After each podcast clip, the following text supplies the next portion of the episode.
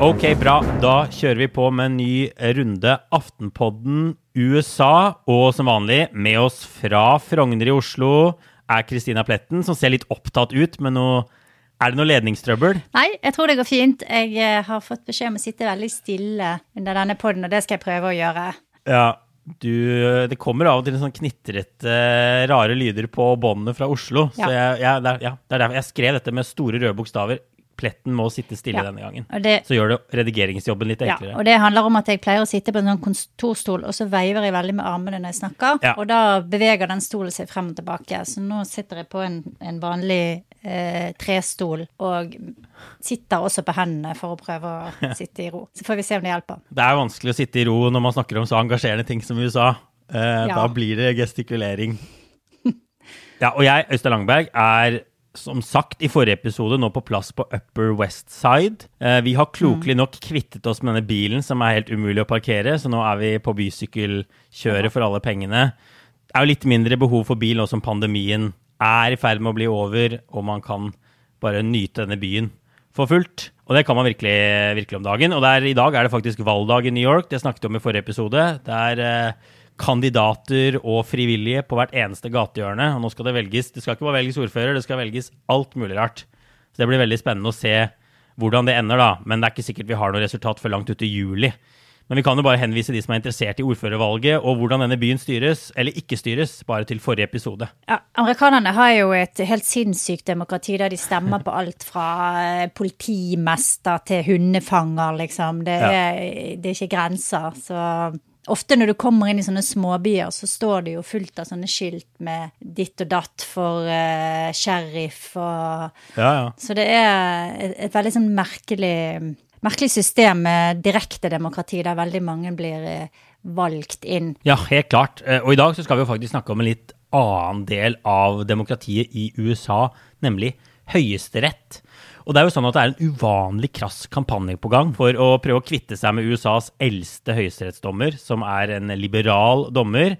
Så det skal vi snakke litt om. Og så skal vi se litt på, på Trumps tre konservative dommerutnevnelser, og hvilke konsekvenser de har fått. Det er jo en veldig sånn konservativ høyesterett i USA nå. For første gang på lenge har ikke vært så, så konservativ på, på mange mange, mange tiår, egentlig. Og så skal vi snakke litt mer om bare den voldsomme innflytelsen Høyesterett, men også jurister og advokater, har i, i samfunnet i, i USA. Men først får vi snakke litt om hva som har skjedd i USA siden sist. Og det er jo noen veldig sånn avgjørende uker i Kongressen nå. Vi lagde jo en episode da Biden hadde sittet i 100 dager, hvor vi sa han har fått til mer enn vi hadde trodd. Fått til denne svære koronaredningspakka, som var en liten, liten revolusjon.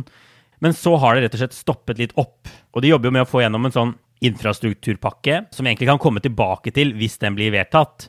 Men det er en stor debatt om den skal være tverrpolitisk, altså om man skal jobbe med å få med seg republikanere og heller vanne den litt ned og gjøre den litt mindre ambisiøs, litt mindre grønn, eller om man da skal prøve å presse den gjennom med bare demokratiske stemmer. Og så da jobber demokratene med å få gjennom en stor lovpakke som skal utvide stemmeretten som får veldig mye oppmerksomhet den uka her. Ikke sant? De skal gjøre valgdagen i USA til en fridag, sånn at eh, arbeiderklassefolk kan gå og stemme. De skal sette en stopper for at man kan manipulere med valgdistrikter, som vi har snakket om mange ganger før. Og masse sånne ting. da. De vil liksom sikre demokratiet, sier de. Men de er langt unna å få disse 60 stemmene de trenger i Senatet for å få denne pakka igjennom. For da må de altså ha med seg ti republikanere. 60 av 100, 100 seter. Så hvorfor de nå prøver å få den igjennom likevel, er jo å bli en symbolhandling, hvis de da klarer å, å, å få til en avstemning over pakka og få vise, vise at den har 50 stemmer bak seg, f.eks.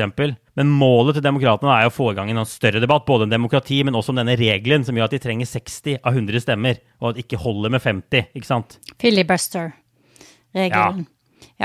Og der har jo eh, mange demokrater presset på for at de skal fjerne den filibuster-regelen. Men der er det jo et par demokrater som står imot. Disse to som vi har snakket om før, det er Manchin fra West Virginia og Sinneman fra Arizona.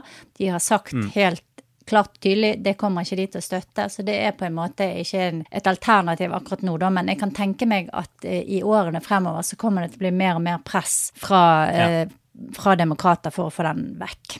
Ja, Argumentet de bygger opp, er jo at nå må vi redde demokratiet i USA. Det er viktigere enn denne filibuster-regelen. Så må vi kvitte oss med den regelen. Vi må få vedtatt Ja. disse stemmerettslovene med 50 stemmer, for det er liksom, det er prioritet nummer én.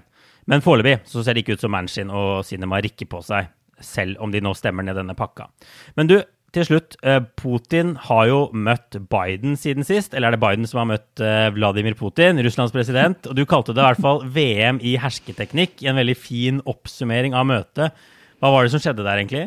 Nei, det var jo veldig mye sånn hvem skulle komme først til arenaen. Putin ja. kommer ofte for seint for liksom drive med litt sånn utsyking, da.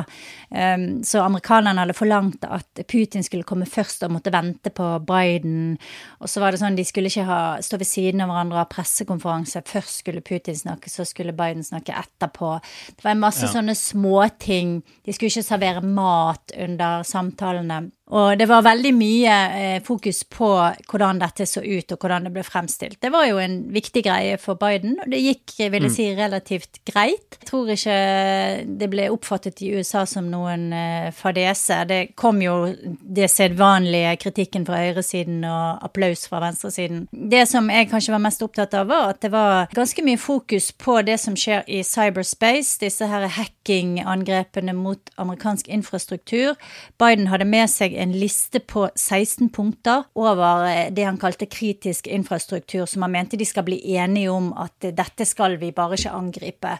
Og det er jo på en måte første steget mot en slags sånn digital nedrustningsavtale. Så det syns jeg var ganske interessant. Så vil det nok ta tid før de eventuelt får noe på plass, og man kan jo tvile på at Putin er så veldig interessert i det, men, men det var i hvert fall slags, eh, en slags åpning, da, på en sånn dialog. Men hvem var det som vant VM i hersketeknikk? Kan man kåre en vinner? Eh, Jeg mener at faktisk Biden, eller kanskje det var mer Bidens team og rådgivere som var smart her, Ja. som vi har sett så mange ganger før, og, eh, og eh, utmanøvrerte Putin litt, faktisk. Ja. det er godt gjort.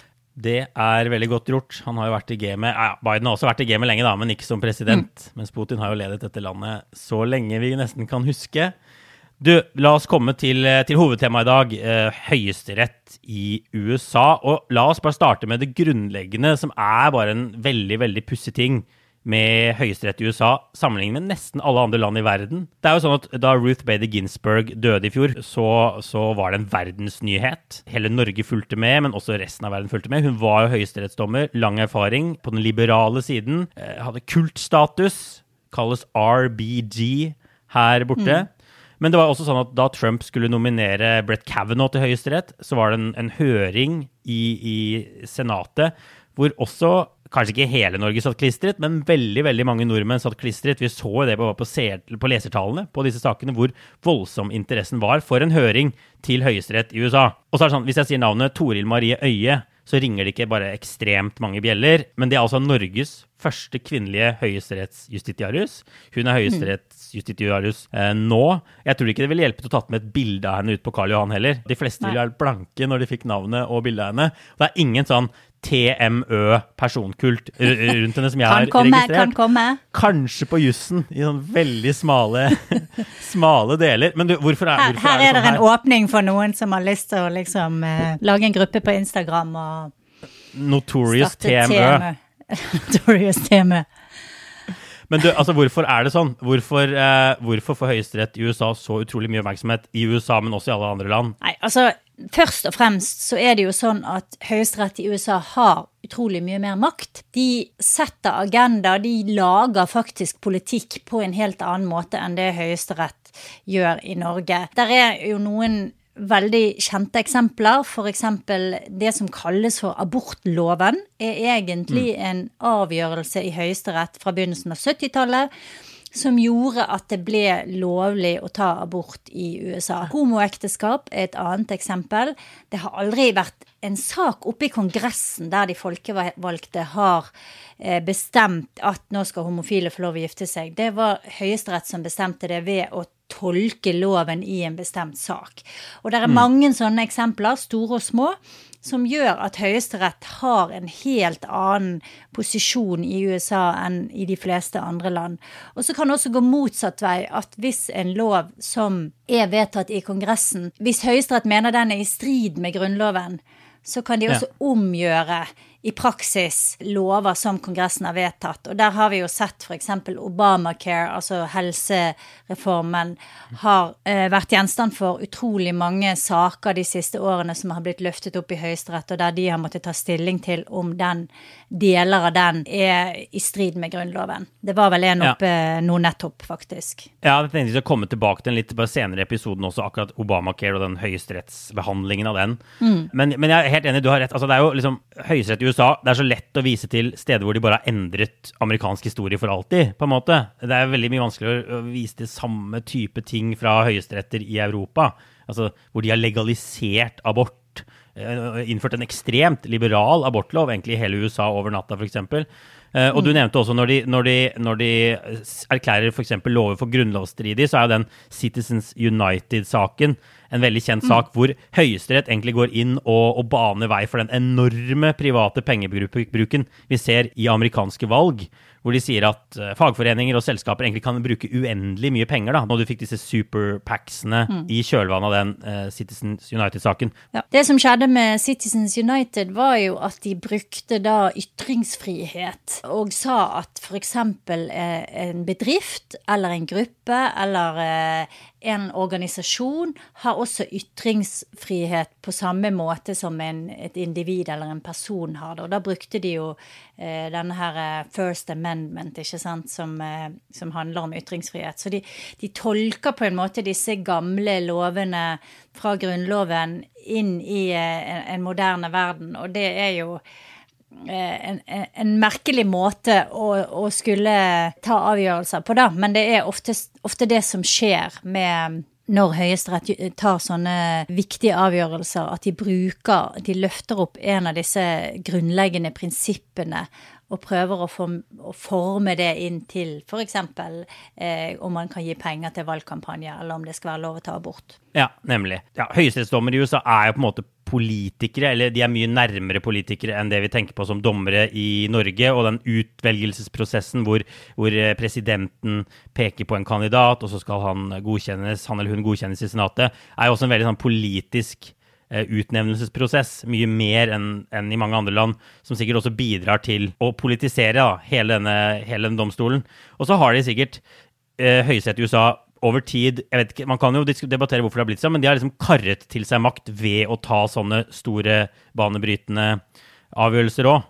Det er jo øh, folk som mener at de ikke burde gjort det. ikke sant? De burde holdt seg unna, heller sendt disse tingene tilbake til politikerne. Men isteden har de gått inn og, og tatt sånne avgjørelser og da på en måte gitt seg den makten. Og det har skjedd litt, eh, litt over tid.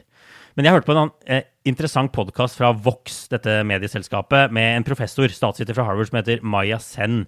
Og hun peker jo på at jurister og advokater har vært ekstremt viktige for USA helt siden landet ble grunnlagt. At alle andre land, mange andre land i Europa hadde aristokrati som utgjorde de første politikerne, og de var liksom landeiere, økonomer, alt mulig rart. Men i USA så var det jurister som skrev grunnloven, de skrev eh, uavhengighetserklæringen. De har preget Kongressen helt siden starten. Vært en voldsomt innslag av advokater og jurister der. Og fortsatt er det det. Altså, det er noe sånn som at Over 40% av Kongressen er eh, advokater eller jurister. Da. Det spørs litt hvordan man, hvordan man teller og regner på det der. Eh, og det er jo bare, de utgjør bare en, en brøkdel av stemmerettsbefolkningen. Hun sier 0,4 eh, er, er i den juristkategorien av de som stemmer. Så de er bare vanvittig overrepresentert. Ja, og eh, USA er jo basert på the rule of law, som de kaller det, og, det er jo et land som skal være bygd rundt dette her eh, eh, prinsippet om Grunnloven, ikke sant, om en idé eh, som er nedfelt i Grunnloven, det som kalles for American exceptionalism. Og det preger jo veldig mye av tankegangen. Og så har jo advokater og jurister eh, blitt noe helt annet enn de var for 250 år siden, eller 200 år siden. Det er jo innslag av jurister i veldig mange forskjellige deler av det amerikanske samfunnet. Det er ikke bare de som står i rettssalen, ikke sant, som vi ser på TV, sånn eh, eh, Hva de sier eh, Objection, my your honor, og sånn, som vi har lært Ja. når vi ser på disse advokatshowene. Men der er jo jurister i næringslivet, der er jurister som, som Der er kjempestore avdelinger i delstatene eh, som, som, opprettholder lover og lager lover. Du har Department of Justice som er kjempedigert. Så loven gjennomsyrer veldig mye av det amerikanske samfunnet på en veldig sterk, mye sterkere måte enn eh, jeg tror det gjør til og med her i Norge, da. Og det er jo en hel haug med presidenter som har vært jurister òg, mm. eller advokater, da. Noe sånt som 27 av 46 eller noe sånt, som jo er bare helt enormt. Biden er det, Obama var det f.eks. Så, så, og, og Hun Sen er jo kritisk i den boken hun har skrevet annet, om hun mener at de har altfor mye makt, og at det at de har gjennomsyret politikken så mye, gjør at de tjener helt enorme summer i USA, og at advokater tar seg oppgaver som byråkratiet da, i andre land gjør. At de, har, måte, de er en egen sånn interesseorganisasjon også, som verner om sitt eget embete på en helt annen måte. Og det er et, det er et problem for, for, USA. Ja, du har jo også dette her med at eh, fordi frykten for å bli saksøkt er så sterk, så må f.eks. leger da kjøpe kjempedyr forsikring. Eh, som igjen gjør at det å gå til lege blir eh, mye dyrere. Sant? Så du har eh, igjen. Eh, jurister preger utrolig mange forskjellige deler av det amerikanske samfunnet. Men det er helt klart at i politikken så har de vært enormt sterke. Og det ser du jo også på, ikke sant, på retorikken. På måten eh, Den er veldig sånn juridisk, og eh, du har disse her eh, høringene i Kongressen, f.eks., som f.eks. Mm. Camilla Harris har blitt kjent for. da, Hun er jo en ganske profilert jurist, eh, nå visepresident, som har omtrent eh, forhørt eh, f.eks. Brett Kavanaugh, som du nevnte, da, på en måte som minner veldig mye om en rettssal. Så du har veldig mange paralleller, og man kan jo stille spørsmål om det er representativt for hele befolkningen da, når juristene får så utrolig mye makt. Ready to pop the question? The jewelers at BlueNile.com have got sparkle down to a science with beautiful lab-grown diamonds worthy of your most brilliant moments. Their lab grown diamonds are independently graded and guaranteed identical to natural diamonds, and they're ready to ship to your door. Go to Bluenile.com and use promo code LISTEN to get $50 off your purchase of $500 or more. That's code LISTEN at Bluenile.com for $50 off. Bluenile.com code LISTEN. Ja, det er åpenbart ikke representativt for befolkningen, men spørsmålet er jo hvor stort problem det er. Men det er jo interessant, altså politikerskolen i USA virker jo som å være, hvis du vil bli president eller, eller komme i, i, i Høyesterett, det virker jo som en veldig good bet å studere, mm. uh, gå og studere rettsvitenskap. Og, og ta den bar exam og, og, bli advokat. Det virker som en veldig sånn, trygg vei til makt. Og, og, den beste veien til makt. Og da er det sikkert, da baller det sikkert på seg, så er det flere og flere som gjør det. da. Hvis du er ung, liberal demokrat i dag, så virker det bare Man skjønner at folk velger den veien også, når de ser på hvem som har gått foran. Mm. Um, men du, bare, bare sånn eh, Vi får gå litt videre. altså Det politikerne og resten av USA har skjønt, er jo at det betyr mye hvem som sitter i Høyesterett. Uh, altså Sammensetningen av Høyesterett betyr også mye. Det betyr mye om det er et liberalt flertall eller et konservativt flertall. Mm. Og Trump fikk jo satt inn tre konservative dommere under sin periode. Den siste var jo Amy Coney Barrett, etter at Ruth Bader Ginsburg døde i fjor høst som var en, en ekstremt dramatisk eh, situasjon. Men stillingen nå er altså seks konservative og tre liberale eh, dommere.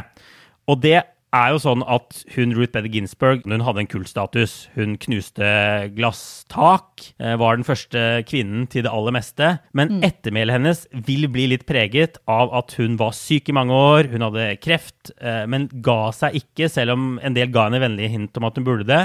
Og så ender hun opp med å dø mens Trump er president, og så blir hun byttet ut med en konservativ, og så flipper flertallet enda mer konservativ favør. Jeg tenker at det vil prege hennes ettermæle når, når, når, det har gått en viss tid, da.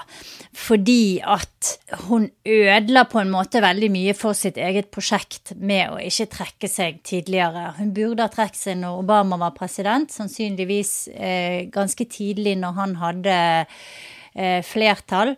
Eh, i begge kamrene.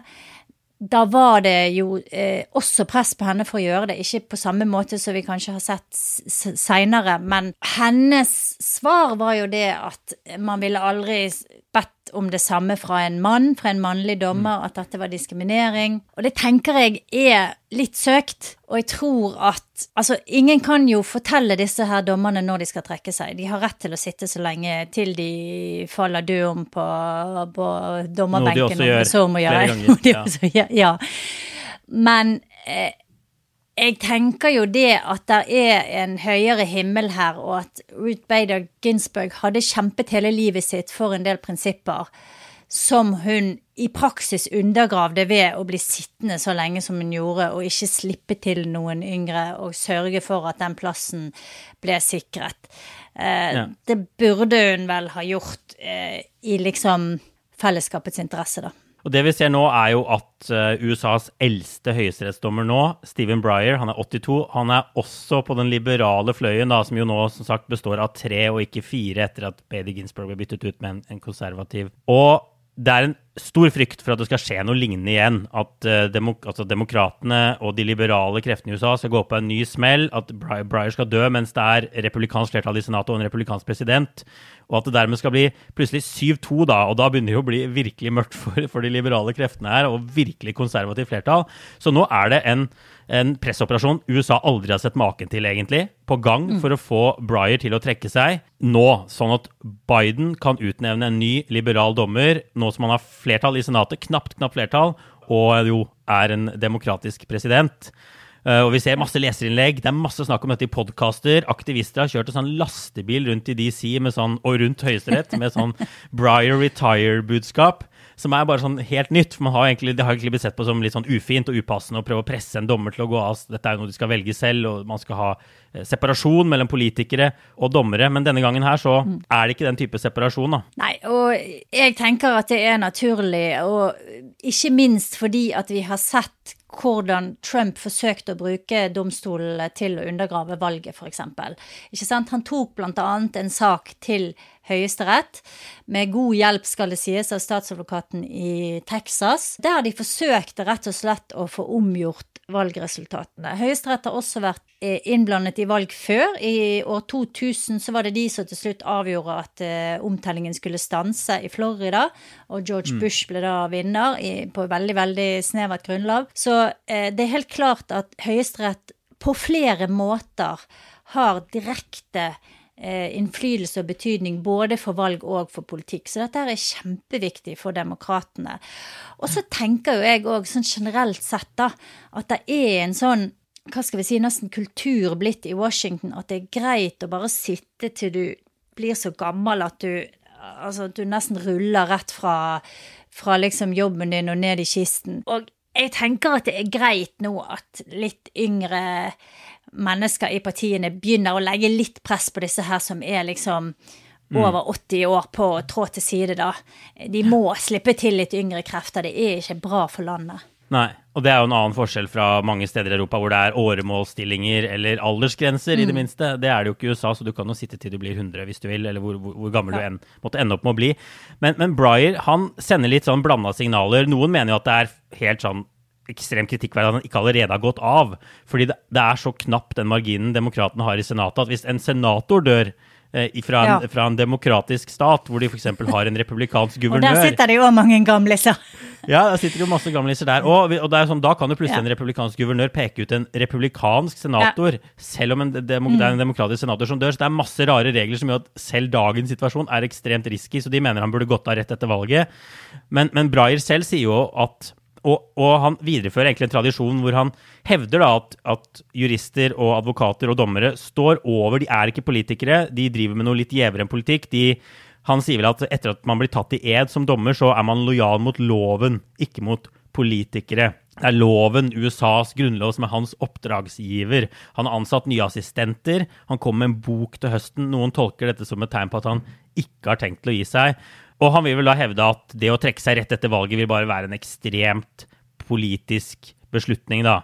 Vil vise at dette kun handler om politikk, og at han bidrar til å øke polariseringen i USA og, og denne politiseringen av Høyesterett. Kjøper du det? Eh, nei, fordi at uh, USA er allerede politisert og polarisert, og Høyesterett er allerede i den situasjonen. Og jeg tror at det Breyer risikerer å gjøre hvis han ikke trekker seg, det er at presset øker fra venstresiden på å utvide antall dommere i Høyesterett, noe som den mm. Bernie Sanders AOC-fløyen er ganske hissig på.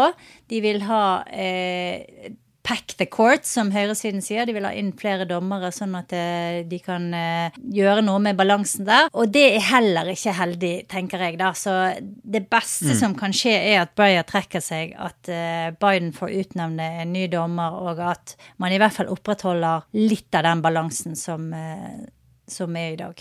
Ja. Vi får også snakke litt Kristina, om, om denne konservative høyesteretten vi ser nå. Uh, mm. Trump politiserte jo Høyesterett i høyeste grad. Han, på disse rallyene hans så skrøt han jo gang på gang av hvor mange konservative dommer han hadde fått satt inn der, og hvordan ja, de skulle påvirke USA. Da. Det var jo en av hans fremste valgkampsaker, og kanskje en ja. av de tydeligste tingene som står igjen etter Trump. Det er ikke så lett å reversere det. Disse dommerne sitter der til de går av. Mm. Den har blitt mer og mer konservativ under Trump, denne domstolen, men nå har de dømt uh, en stund. De har fått en del avgjørelser. Og man må jo si at ekspertkorpset kanskje er litt overrasket. Altså Da Coney Barrett skulle godkjennes i fjor høst, så ble det jo truet med at, at hennes godkjenning ville føre til uh, at Obamacare nærmest ville bli erklært grunnlovsstridig over natta. Det ville være slutten på Obamacare. Det var jo den demokratiske skremselspropagandaen. Og det har jo også vært frykt for at USA vil bli tatt i en voldsomt konservativ retning med en så konservativ høyesterett. Og så har ikke det helt skjedd, og det gir kanskje Breyer litt rett i at det er i hvert fall ikke bare politikk her, da. Det er fortsatt noe lovtolkninger uh, og sånn. Igjen, vi har sett at de konservative de stemmer ikke som en sånn blokk. Det er ikke sånn at alle avgjørelsene som spyttes ut derfra, er seks konservative mot tre liberale.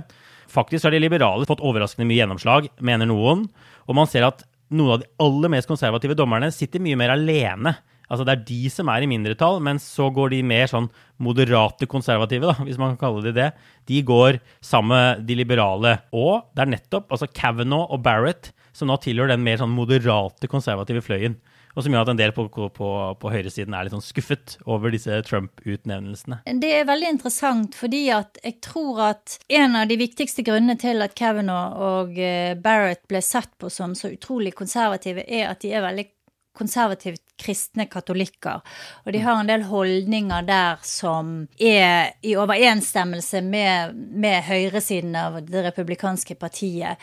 Men når det gjelder deres tilnærming til jussen, så ligger de på et helt annet plan. De ligger mye mer eh, moderat. De har eh, veldig stor respekt f.eks. For, for det som kalles for settled law, som er det eh, f.eks. abortloven, der, der, de sier at ok, dette er allerede i praksis lover, mm. eh, og det skal re respekteres. Og det betyr også at de kan avvise ting eller stemme for ting som de ikke nødvendigvis er for Eh, liksom moralsk eller etisk, men som de mener likevel eh, på et slags sånn juridisk, teknisk grunnlag er riktig, da. Og der skiller de seg fra f.eks. Clarence Thomas, som jo er nå den mest konservative dommeren på, i Høyesterett, da. Ble utnevnt av eh, Bush senior i 91, tror jeg det var.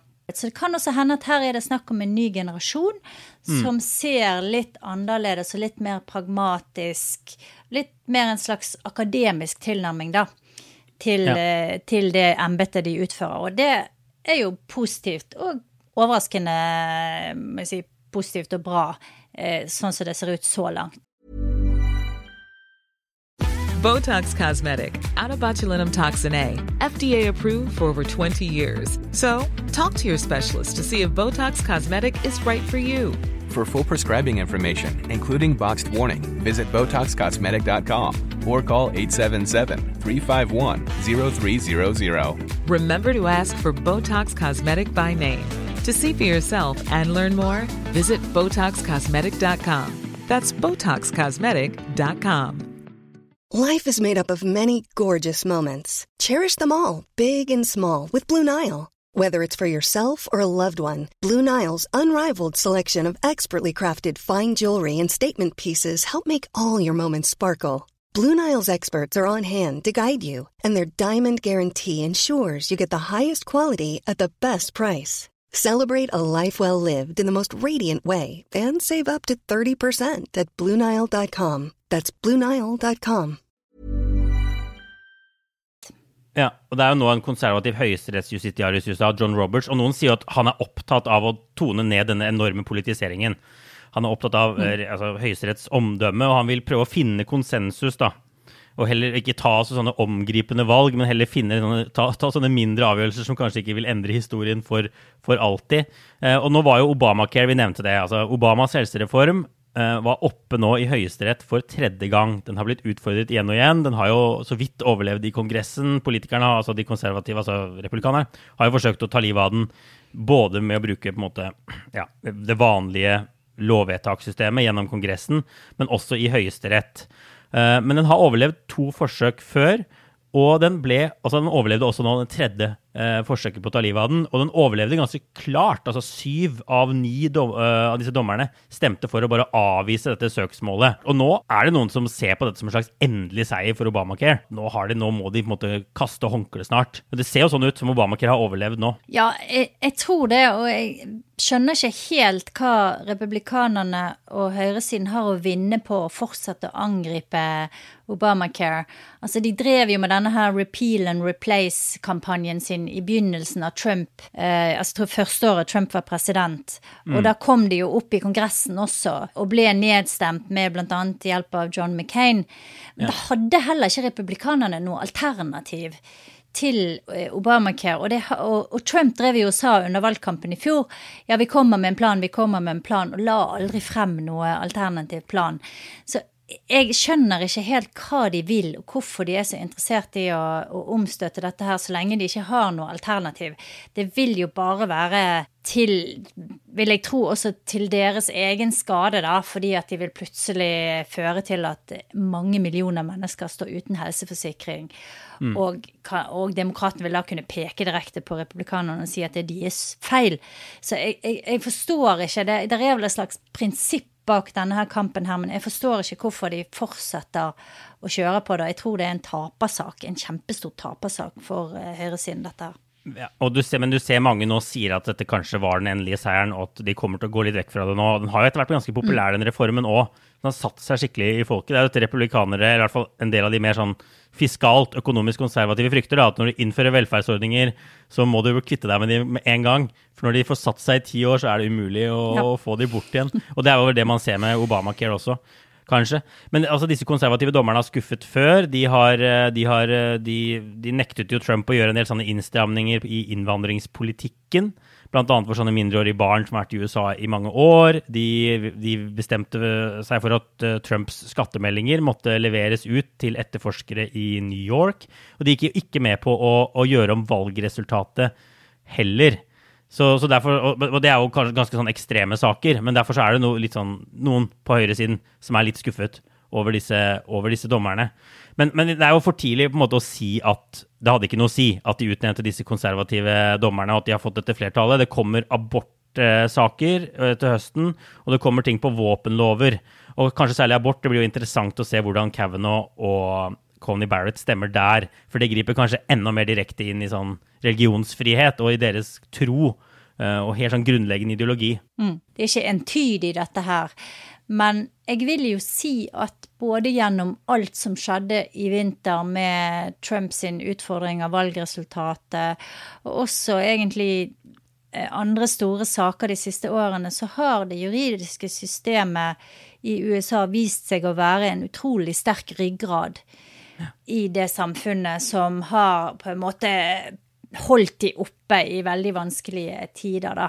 Mm. Det vitner jo om at eh, Altså på en måte det flippsiden av det at ok, det er mange jurister, og de har kanskje for mye makt, men det er også en veldig styrke ved det amerikanske samfunnet at de har den der eh, troen på lov og orden, og at, de, og at det kan gå utenpå polarisert politikk og, og, og, sørge for at de eh, beholder demokratiet og være en slags garantist garantister for mm. at eh, demokratiet overlever. Ja, veldig bra, Kristina. jeg tror vi setter strek for høyesterettsdiskusjonen denne gangen her. Så kan vi kanskje ta en liten runde med obligatorisk refleksjon. Helt til slutt, hva er det du har tenkt på siden forrige uke? Al- Altså, dette blir jo litt kleint, Øynstein, men her eh, er min uh, Øynstein òg. Du du, at du ikke kan navnet mitt engang. Er i hvert fall flaut. Hva sa jeg? Øynstein, sa du ikke det? Å ja. ja. Jeg tar det en gang til. jeg har faktisk lyst denne uken å anbefale en artikkel som du har skrevet. eh, Wow. På din uh, Ja. på din, og dette er ikke avtalt uh, spill, men eh, Øystein var jo i Israel nylig, og du var inne i de palestinske områdene både i, på Vestbredden og i Gaza. Og vi snakket jo litt sammen da også, og jeg var veldig jeg håpet i hvert fall at du skulle lage noe annet enn bare akkurat det eh, som veldig mange ser fra disse palestinske områdene, som er sånne folk som står i ruiner og har mistet noen de er glad i, og, og det er liksom Alt er forferdelig og mørkt og knust og ødelagt. Og det du har gjort, er at du har laget en sak i A-magasinet som sto nå i helgen, om hvordan eh, en arkitekt og en sånn, man må vel kunne si en sånn eh, slags samfunnets støtte da på Vest, Vestbredden, har forsøkt å bygge opp en helt ny by inne i eh, dette her eh, området. Det var en utrolig spennende historie, og jeg blir så glad når jeg ser sånn journalistikk. For jeg tenker ok, vi må selvfølgelig må vi skrive om hvordan palestinerne er ofre, og hvordan eh, israelsk bombing påvirker de, men det er ikke det eneste som skjer der. Det er ikke det eneste bildet vi bør se.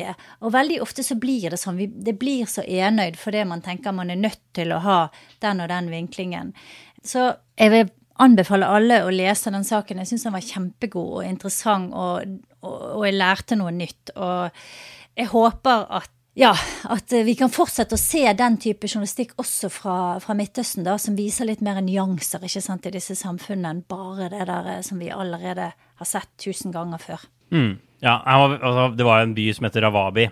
Eh, som, altså, det var en investor som ville bygge en by fra bunnen av. Eh, palestinsk investor. Og det som jeg synes var, var et veldig fint intervju, jeg hadde 30 minutter med han, men han sa utrolig mye interessant. Både om at de er ofre, men også at de må snakke, fortelle en annen historie fra Palestina enn at de er ofre.